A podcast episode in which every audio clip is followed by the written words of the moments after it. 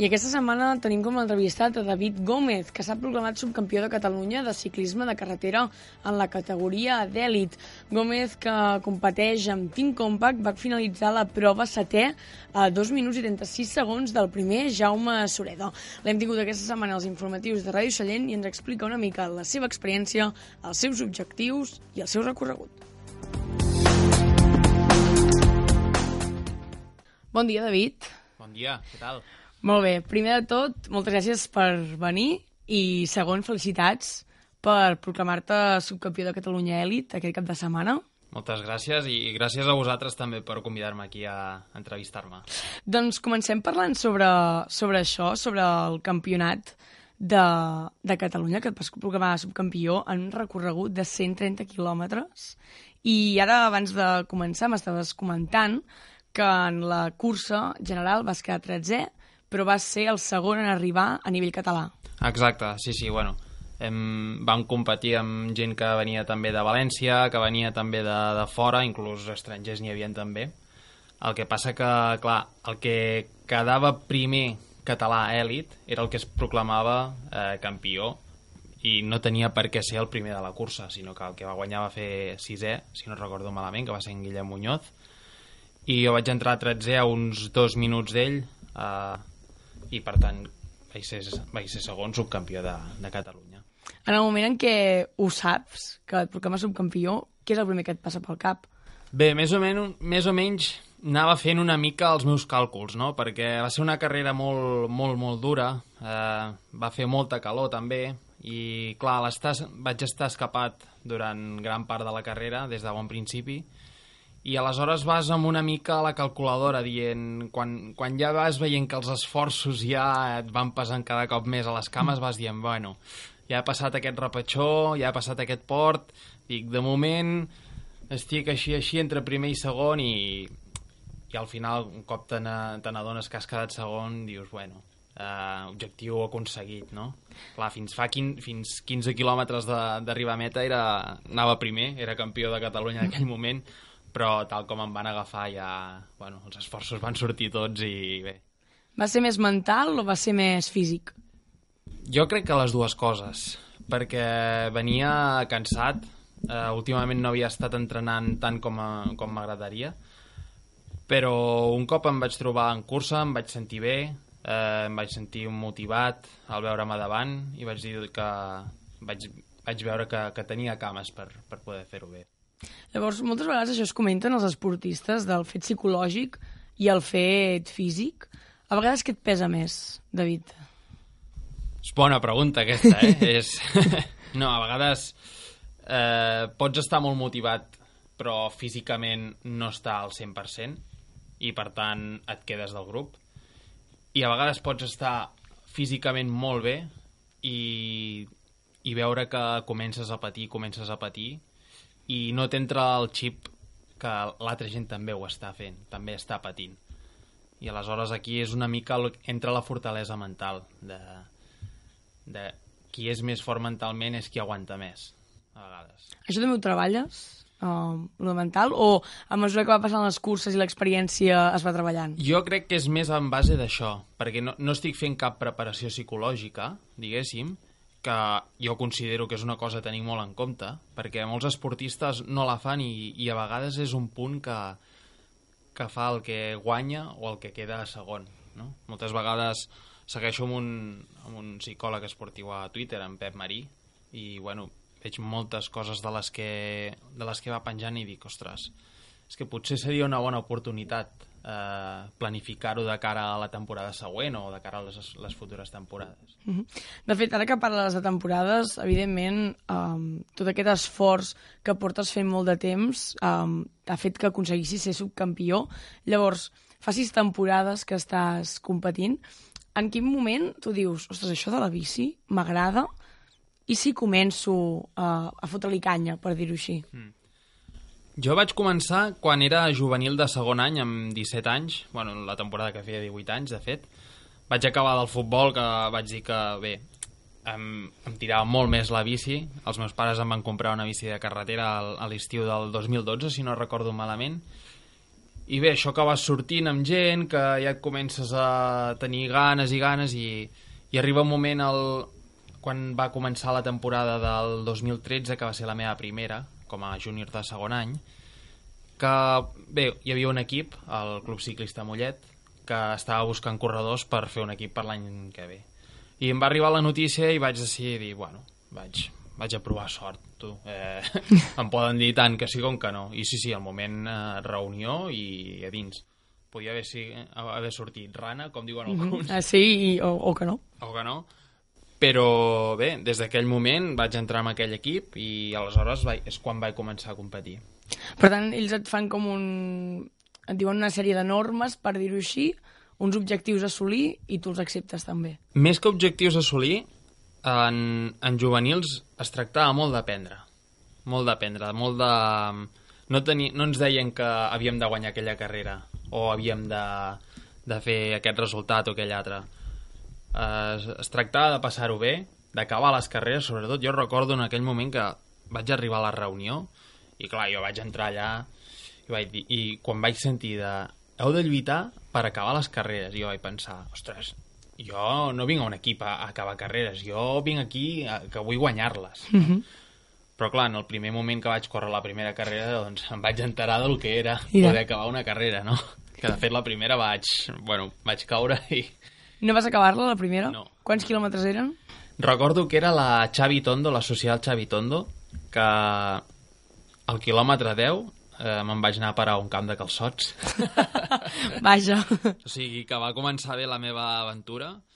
I després, la segona, recordo que l'equip ens van dir per anar a córrer a un poble de Navarra, Villatuerta, si no recordo malament, i també quilòmetre 20-25, punxada i, i, i adeu, i Cap a casa. casa. Tu saps el que és anar-te'n a Navarra, eh, 500 quilòmetres cap allà i 500 tornar i, I i, durar fins- 20 quilòmetres en una cursa, doncs pues mira, això Déu-n'hi-do. també pot passar.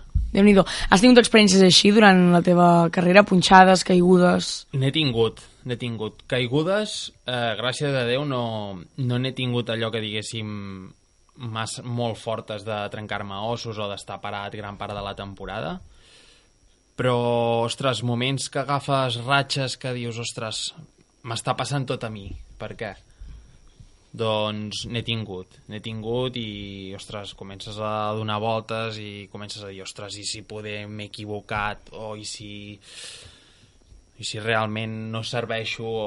però després arriba un moment que et ve una, una cursa bona i, i el teu cap canvia de xip també. Fas una, rem- una remuntada. Exacte. Llavors, en el moment en què et fitxen els del Mollet, amb, amb quin sponsor, diguéssim, que, que vas? Amb ells? Sí, corro amb ells, eh, tenen varis sponsors de, bueno, de construcció i de varis, de varis eh, llocs d'allà. I està molt bé perquè a part de córrer curses d'aquí de, de Catalunya, també ens portaven a córrer fora i clar, tot això normalment ens ho, passe, ens ho pagàvem els corredors. És a dir, tot el que són els hotels, les dietes, la benzina... Però amb aquell equip doncs, va sortir que hi havia un, un bon pressupost i, record, i no recordo pagar allò una gran quantitat de diners per, eh, per haver d'anar a córrer, doncs, per exemple, toca carrera a Navarra o toca carrera a València. Doncs, ens ho pagàvem nosaltres, però vull dir, no, no era cap, Cap esforç. Llavors, durant aquestes sis temporades, has tingut molts patrocinadors, perquè actualment estàs amb Team Compact, Mm. i, però anteriorment has tingut molts altres. Més que patrocinadors, és, bueno, són els equips que on vaig començar del, del Club Ciclista Mollet a Júnior, després vaig passar a dos anys amb el Bicicletes Esteve, que so, bueno, és un equip de, de Palamós on tenen la seu, i, i després del Bicis Esteve vaig passar amb la mateixa estructura, que eren més o menys els mateixos corredors, directors i tot, es va passar a dir Corbi, vale? i un cop aquí, doncs, és on em vaig aprovar amb, els com, amb el Team Compact, que és on estic ara actualment. I, i a- arrel d'això me'n vaig anar a córrer cedit una volta, a la Volta a Palència, perquè bueno, vam veure precisament aquesta cursa, la de Sant Pere de Ribes, on he quedat subcampió Sí. de Catalunya. Eh, fa dos anys vaig quedar també 12 13 i vaig fer una bona cursa també i es van fixar i em van dir que si volia anar cedit a córrer amb ells a, a una volta, la volta a Palència, que aleshores ara ja no es fa per falta de pressupost, era la volta, diguéssim, més dura de tota Espanya. I ens van dir per, em van dir per si volia anar jo, clar, jo com un boig de content de, que, de poder anar, perquè era una grandíssima oportunitat per mi. Per tant, recordes aquell dia com un pas, sí. per d'alguna manera. Jo recordo aquell dia com, com el, el pas més gran que, que he fet després de, de deixar el futbol i començar el ciclisme. Perquè va ser un salt qualitatiu per mi bastant gran, perquè passàvem de, de córrer amb el, amb l'equip on estava, el Corbi, que corríem doncs, per aquí a Catalunya, algunes copes a Espanya, però amb aquest aspecte sí que ens ho pagàvem tot, tot, tot nosaltres i anàvem una mica amb, amb lo mínim, molt mm. justets. Llavors, bueno, va ser, va ser llavors important. Va costar, costava.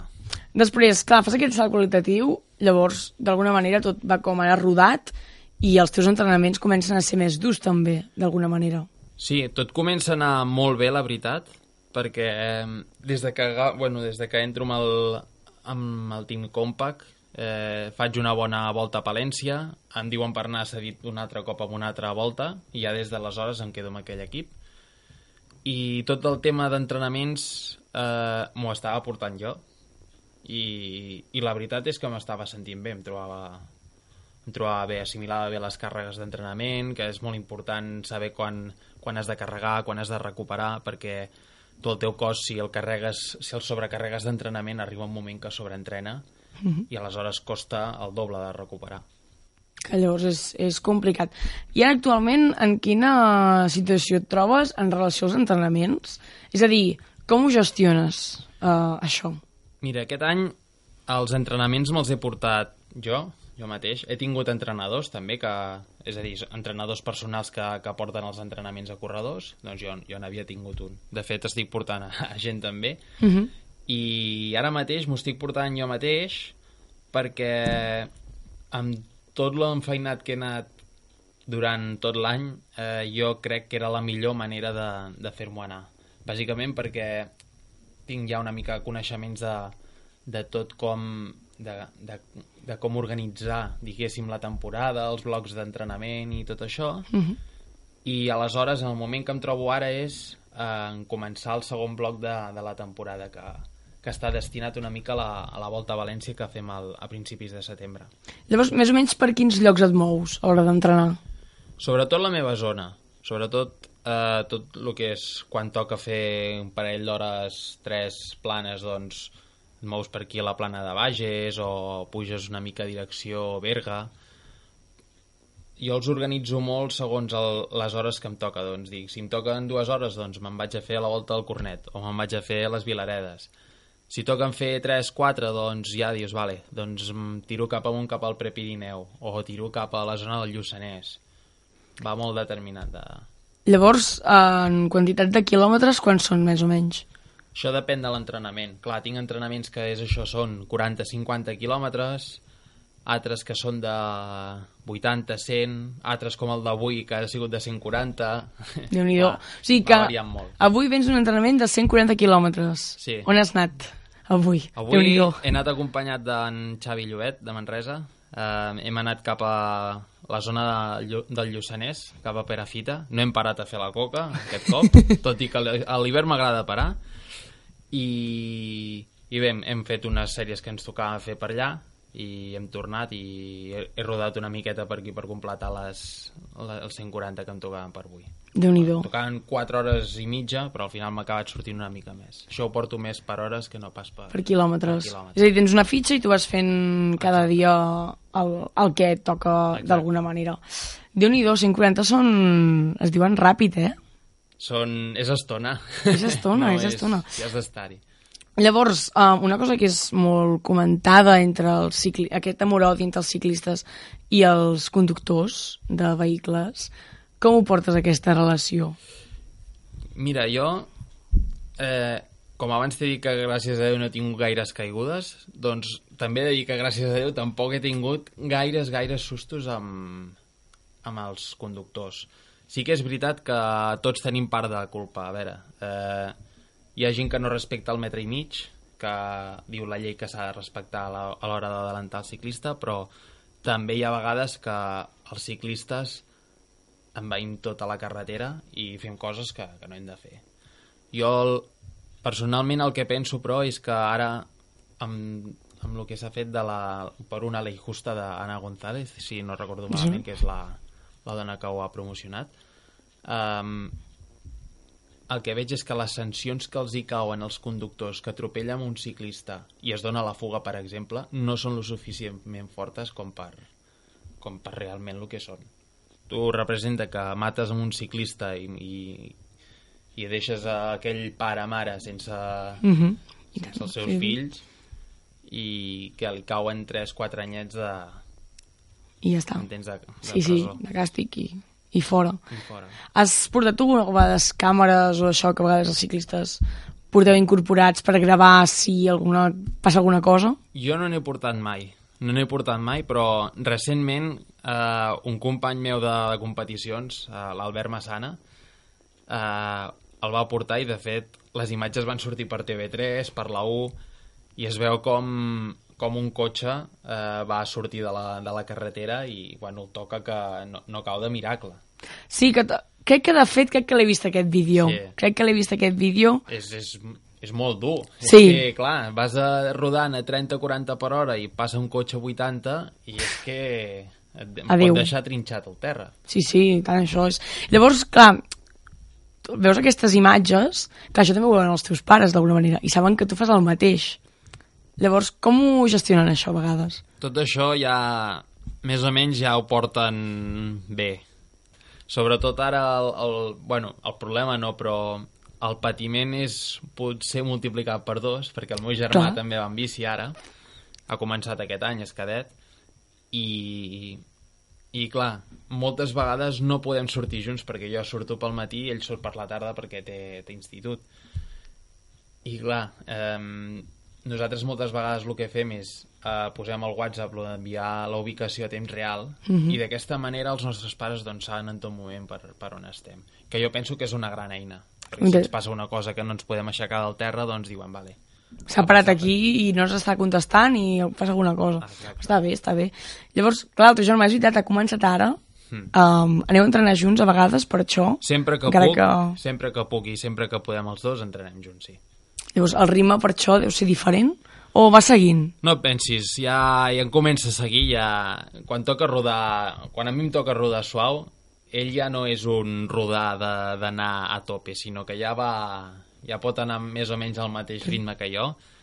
El que sí que quan em toquen fer sèries, doncs, clar, encara és petit per, per seguir-les totes, no? Però no, la veritat que se li va en bones maneres i l'únic que ha de tenir cap perquè encara és petit i, i el primer de tot que ha de fer és disfrutar i agafar els hàbits, sobretot, que, que és el que més costa potser amb el ciclisme mm. i el més sacrificat. Acabar les carreres, que dèiem, que Exacte, dèiem abans. també. Llavors també he estat investigant i he vist que, que la teva temporada del 2017 uh, no va ser com tu esperaves. Uh, com a mínim al final del 2017. Aquest 2018 s'estan complint les expectatives? Sobretot al principi de temporada sí, perquè vaig començar, la veritat, que molt fort. Vaig, de fet, la primera cursa que hi vaig anar la, la vaig guanyar. I després, les, les que venien després, doncs, vaig completar varis podis, també. Eh, em vaig posar líder de les grans clàssiques de Catalunya. Ara mateix crec que vaig quart o cinquè, no, no he pogut veure la, la classificació com va, però, però que estic allà dalt. I pel que fa al principi de temporada, bé. Bé, la veritat que estic satisfet. El problema ha sigut que el que jo volia preparar, que eren les voltes que tenia el maig i juny, que era Navarra, Volta Navarra i Volta Lleida, eh, no m'han anat com esperaven. Però jo penso que no he de tirar la temporada en l'aire només perquè m'hagin anat malament dues competicions, perquè a la resta considero que, que ha estat sortint bona temporada, per suposat millorable, però amb tot el que porto sobre, pues, jo considero que, que ha estat bé. Actualment, David, et trobes a la, a la selecció? Perquè he vist que, que anteriorment sí que estaves a la, a la selecció catalana. Bé, la selecció, amb la selecció el, el que és és vas a córrer només els campionats d'Espanya amb ells. He estat a la selecció en juvenils de, en el júnior de segon, el primer any de ciclisme, de fet, i després vaig estar l'any passat també, que vam anar a córrer els campionats d'Espanya a Sòria, i aquests han sigut els dos anys que he estat a la, a la selecció catalana. Hem, hem repassat bastant el teu, el teu recorregut. Em podries dir, així ara et faré pensar una mica, la millor experiència i la pitjor experiència que has tingut dalt de la bici? Ja sigui en carrera, en entrenament, en qualsevol dels àmbits. Doncs comencem per la pitjor, que el bo sempre es deixa Això. pel final, no? sí, comencem pel pitjor, doncs. doncs el pitjor possiblement seria eh, el moment que vaig caure entrenant un cop. De fet, ha sigut el cop que més fort he caigut, que bé, em va tenir tres setmanes parat de la bici i aleshores el tornar a començar doncs és com un començar de zero un altre cop la temporada. I clar, això és, és difícil és difícil perquè un cop te n'assabentes i veus el que tens dius, bueno, per una banda dius vale, eh, he de fer tot això per tornar a començar però per l'altra ho mires pel cantó positiu i dius sort que no m'he trencat res i que no estaré pues, tres mesos parat i vaig estar tres setmanes però bueno, encara em vaig poder sortir i no hi ha cap, perdona, eh, abans de dir el millor, i no hi ha cap moment que penses, mira, saps què, és igual, deixem-ho, sinó que continues. Hi ha moments que se't passa pel cap, això és veritat. Hi ha moments, inclús aquest any n'he tingut, i, i tinc la sort que a casa, amb el recolzament que tinc, doncs sempre m'empenten, m'ajuden per dir eh, que estem aquí i a seguir provant-ho, que això és la teva il·lusió i la teva passió aquí, i força. Exacte, no, tinc la gran sort perquè a casa em porten amb safata, Mira, perquè veus? si no... És perfecte, això. Si no, em seria molt, molt difícil, perquè a l'hora de, de fer ciclisme estic compaginant amb altres coses també, amb la feina, amb els estudis, i, i clar, no, no és fàcil, la veritat. És que sí. I llavors, el millor moment que recordis? El millor moment... Eh, la veritat que en, en tindria varis, eh? perquè... Millor. Sí, sí, perquè al cap i a la fi a mi la bici em dona molts més, bon, molt més bons moments. Te'n recordes més, del, més dels bons que no pas dels dolents. Dels bons, eh, poder destacaria qualsevol de les carreres que, que he guanyat, que n'he tingut un a l'any més o menys d'haver-ne guanyat i sempre és una sensació de dir, ostres, et sents com el... sincerament, com el rei, saps? Uh, després, uh, Volta a Palència, aquesta que va ser la primera que vaig anar amb, el, amb aquest equip, el Team Compact, um, vaig fer un bon resultat, vaig fer el 14 a la General i, i la veritat que el, el subidon aquest que tens doncs, és, molt, és molt gran. Però sobretot, el millor de tots va ser la, primer, la segona cursa que vaig guanyar a juvenils a, a Mollet, que tenia bueno, tota la família allà animant-me, es donaven unes condicions de cursa que no les tenia molt en contra mi, perquè anava jo sol amb, amb quatre corredors d'un altre equip, i clar, era tota l'estona m'estaven atacant, atacant, atacant, i deien, bueno, el pobre aquest quedarà cinquè i, i amb prou feines acabarà. I no, i al final vaig arrencar i vaig guanyar i va ser com una cosa inesperada mm. per tothom tan inesperada que ho va ser per mi. Per tu també, no? D'alguna sí, sí. manera. I llavors, Quin podríem dir que és la teva referència en el món del ciclisme? Referència? Sí. Com a corredor algun... Sí, com algun corredor actual o passat que ja estigui retirat. Jo, el, me el meu ídol havia sigut sempre el, el Joaquim Rodríguez, el Purito, i sempre m'havia fixat molt perquè la manera que tenia de córrer de, de que era un, un home ràpid en, en, en finals en pujada doncs a mi m'agradava i, i jo em sentia bé també amb aquest tipus de terreny però gent sobretot que tipus Chris Froome um, gent d'aquesta que està sempre a la general i sempre al peu del canó sempre t'hi fixes i dius, ostres, eh, tant de bo algun dia pogués ser com ells. Sí. Bueno, més que tant de bo poder ser com ells, és més és un mirall on, on, on t'hi fixes i, i jo penso que és un bon exemple a seguir i em va seguint. Llavors, um, tens algun objectiu, uh, tant a llarg plaç com a curt plaç, de, de fer alguna carrera en concret? És a dir, hòstia, a mi m'agradaria poder fer aquesta carrera. Mm. Mira, a curt plaç, ara mateix, clar, tinc com a objectiu amb l'equip a fer volta a València, que va del 6 al 9 de setembre, com t'he dit abans, i després de cara a l'any que ve, eh, bé, encara he de mirar diverses coses, a veure quin, quins calendaris tindrem, què passarà, perquè un cop acaba la temporada doncs és un moment una mica de desconnectar, no? Però, clar, sempre un, amb les mirades cap amunt, doncs diu, ostres, jo vull ser professional i, i mires tot el que són les curses de, de, de professionals, des de la Volta a Catalunya, la Volta a Espanya, al Tour de França... Clar, tot això poder són paraules majors, però em vas una mica com amb la filosofia del Cholo Simeone, de sí. dia a dia, i, i tot el que vingui anirà venint. I ja... I es veurà, ja no?, d'alguna manera. I ara per anar, per anar acabant, clar, ara, al cap i a la fi, has estudiat CAFE, que al cap i a la fi és, és d'esport i és bàsicament el que estàs fent tu ara. Llavors, vols arribar a dedicar-te a això, al ciclisme? De fet, l'any que ve eh, m'hi dedicaré en cos i ànima al ciclisme perquè penso que és el moment de, de provar-ho. Jo fins ara, tots els anys de ciclisme, ho he estat compaginant amb, amb la feina, amb els estudis. Per exemple, aquest any hi havia moments que ja no sabia ni on parava, perquè estava portant el treball de final de grau, les pràctiques, el, treballava a la piscina com a monitor de cursets, eh, portant entrenaments a la gent, i deia, bueno, és que... I, i quan puc entrenar jo, saps? Entrenava, però clar, després a la tarda deies, vale, avui que em toca?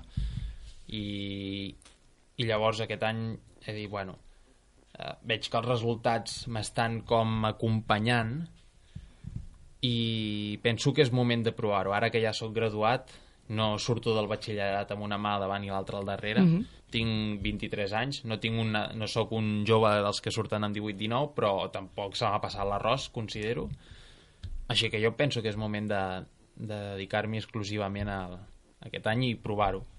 A veure què, si més no, a veure què sorgeix, clar que sí. I llavors, ja per acabar, què penses i com et sents quan estàs al de la bici? Sobretot, hi han dies de tot perquè hi ha dies que a vegades et toquen fer dues hores i dius, ostres, és que no, ni m'hi pujaria de lo cansat que estic del dia anterior.